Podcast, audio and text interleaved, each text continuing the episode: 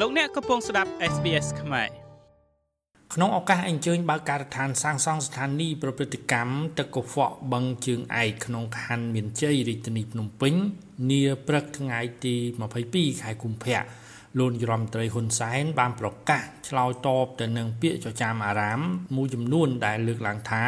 រាជរដ្ឋាភិបាលកម្ពុជាក្រុងបិទរាជធានីភ្នំពេញឬក៏បិទប្រទេសបន្ទាប់ពីមានការឆ្លងរាលដាលជំងឺ Covid-19 ប្រភេទបំលែងថ្មីអូមីក្រុងក៏ប៉ុន្តែលោកយមត្រីហ៊ុនសែនបានបញ្ជាក់យ៉ាងច្បាស់ថាมันមានភាពចាំបាច់ណាដែលត្រូវបិទក្រុងភ្នំពេញឬក៏បិទប្រទេសដោយការពីឆ្នាំ2021នោះឡើយដោយសារតែអត្រាចាក់វ៉ាក់សាំង Covid-19 នៅកម្ពុជាមានកម្រិតខ្ពស់លោកយមត្រីហ៊ុនសែន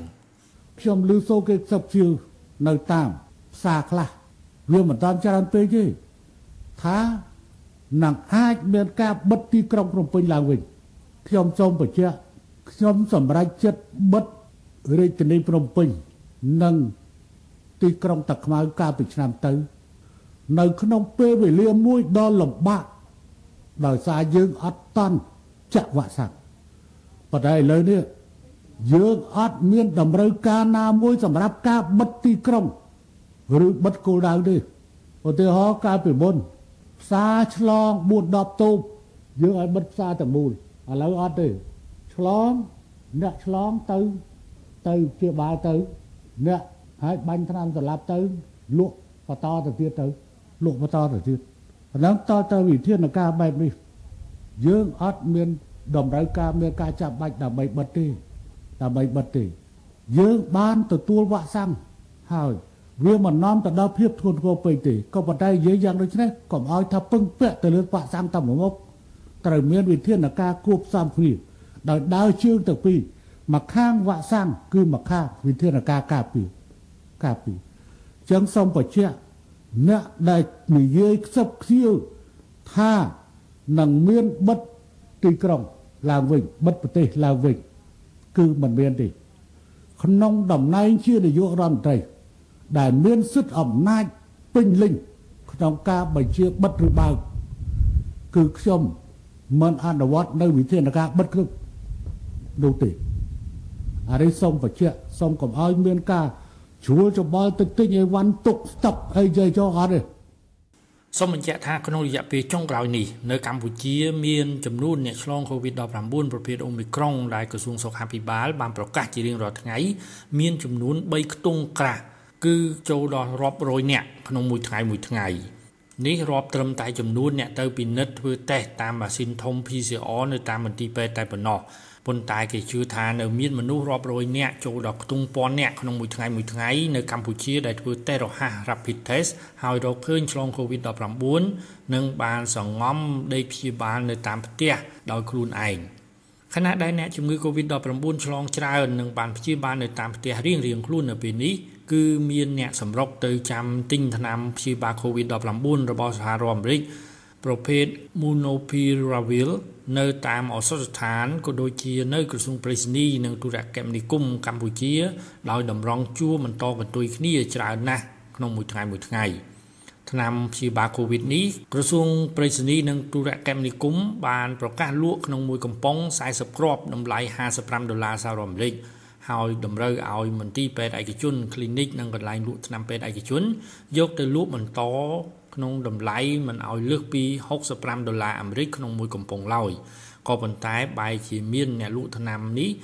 ថ្លៃលើសពី65ដុល្លារនិងថែមទាំងមានថ្នាំคล้ายៗទៀតផង។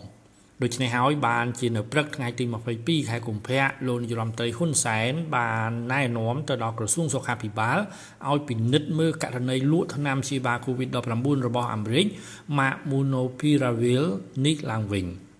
មួយទៅក៏សូមអពាវនាវចំពោះអ្នកលក់ថ្នាំទាំងឡាយយើងត្រូវបង្កើនសមត្ថភាពនៃការគុតគង់ថ្នាំមកបន្ថែមទៀតប៉ុន្តែសូមឲ្យយកចិត្តទុកដាក់ទៅលើចំណុចពីរយ៉ាងអំពីបញ្ហាថ្នាំព្យាបាល នោះទី1តម្លៃថ្នាំកុំបង្កើនទៅតាមចិត្តចត់ព្រោះឥឡូវឃើញបន្តកតុយគ្នាទៅទិញថ្នាំទិញថ្នាំ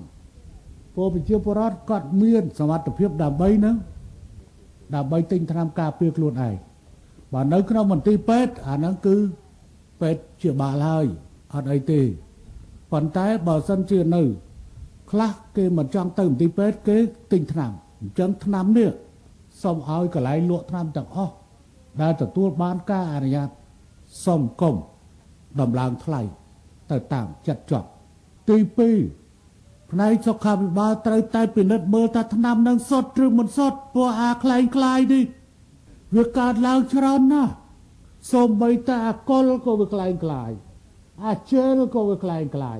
ស្អីដាក់មកគឺវាខ្លែងខ្លាយទាំងអស់គ្រាន់តែចាប់យើងចាប់អាកុល ខ្លែងខ្លាយអស់មិនតិចទេណាមកពេលដែលត្រូវការសកៃត្រូវការអាកុលឬជើលចឹងត្រូវប្រុងប្រយ័ត្នអំពីថ្នាំខ្លែងខ្លាយដែលវាបកកើតភ្លាមភ្លាមមកហើយឲ្យយកមកលក់ឲ្យប្រជាពលរដ្ឋរបស់យើងហត់ទៅមិនត្រឹមតែមិនជាទេថែមតែខូចសុខភាពព្រោះមិនដឹងវាផ្សំពីអីខ្លះតែហៅថាខ្លែងខ្លាយតែខ្លែងខ្លាយគឺវាមិនសុទ្ធបើសុទ្ធវាមិនខ្លែងខ្លាយទេអាហ្នឹងវាមានតែប៉ុណ្្នឹង សូមលើកថាក្នុងរយៈពេល3ថ្ងៃជាប់ជាប់គ្នានៅក្នុងប្រទេសកម្ពុជាគឺនៅថ្ងៃទី19ដល់ថ្ងៃទី21ខែកុម្ភៈមានអ្នកស្លាប់ដោយសារជំងឺ Covid-19 ចំនួន7នាក់ខណៈដែលតាំងពីមុនមកមានអ្នកស្លាប់ដោយសារជំងឺ Covid-19 រហូតដល់ជាង3000នាក់ចំណែកអ្នកឆ្លង Covid-19 ប្រភេទ Omicron មានប្រមាណ600នាក់ក្នុងមួយថ្ងៃមួយថ្ងៃ ជាសរុបគិតត្រឹមថ្ងៃទី21ខែកុម្ភៈនៅកម្ពុជា មានអ្នកឆ្លង COVID-19 សរុបចំនួន127,575នាក់ក្នុងនោះមានអ្នកជាសះស្បើយ12125នាក់និងអ្នកស្លាប់សរុបកើនឡើងដល់ចំនួន3022នាក់ខ្ញុំម៉េងផល្លា SBS ខ្មែររាយការណ៍ពីរាជធានីភ្នំពេញ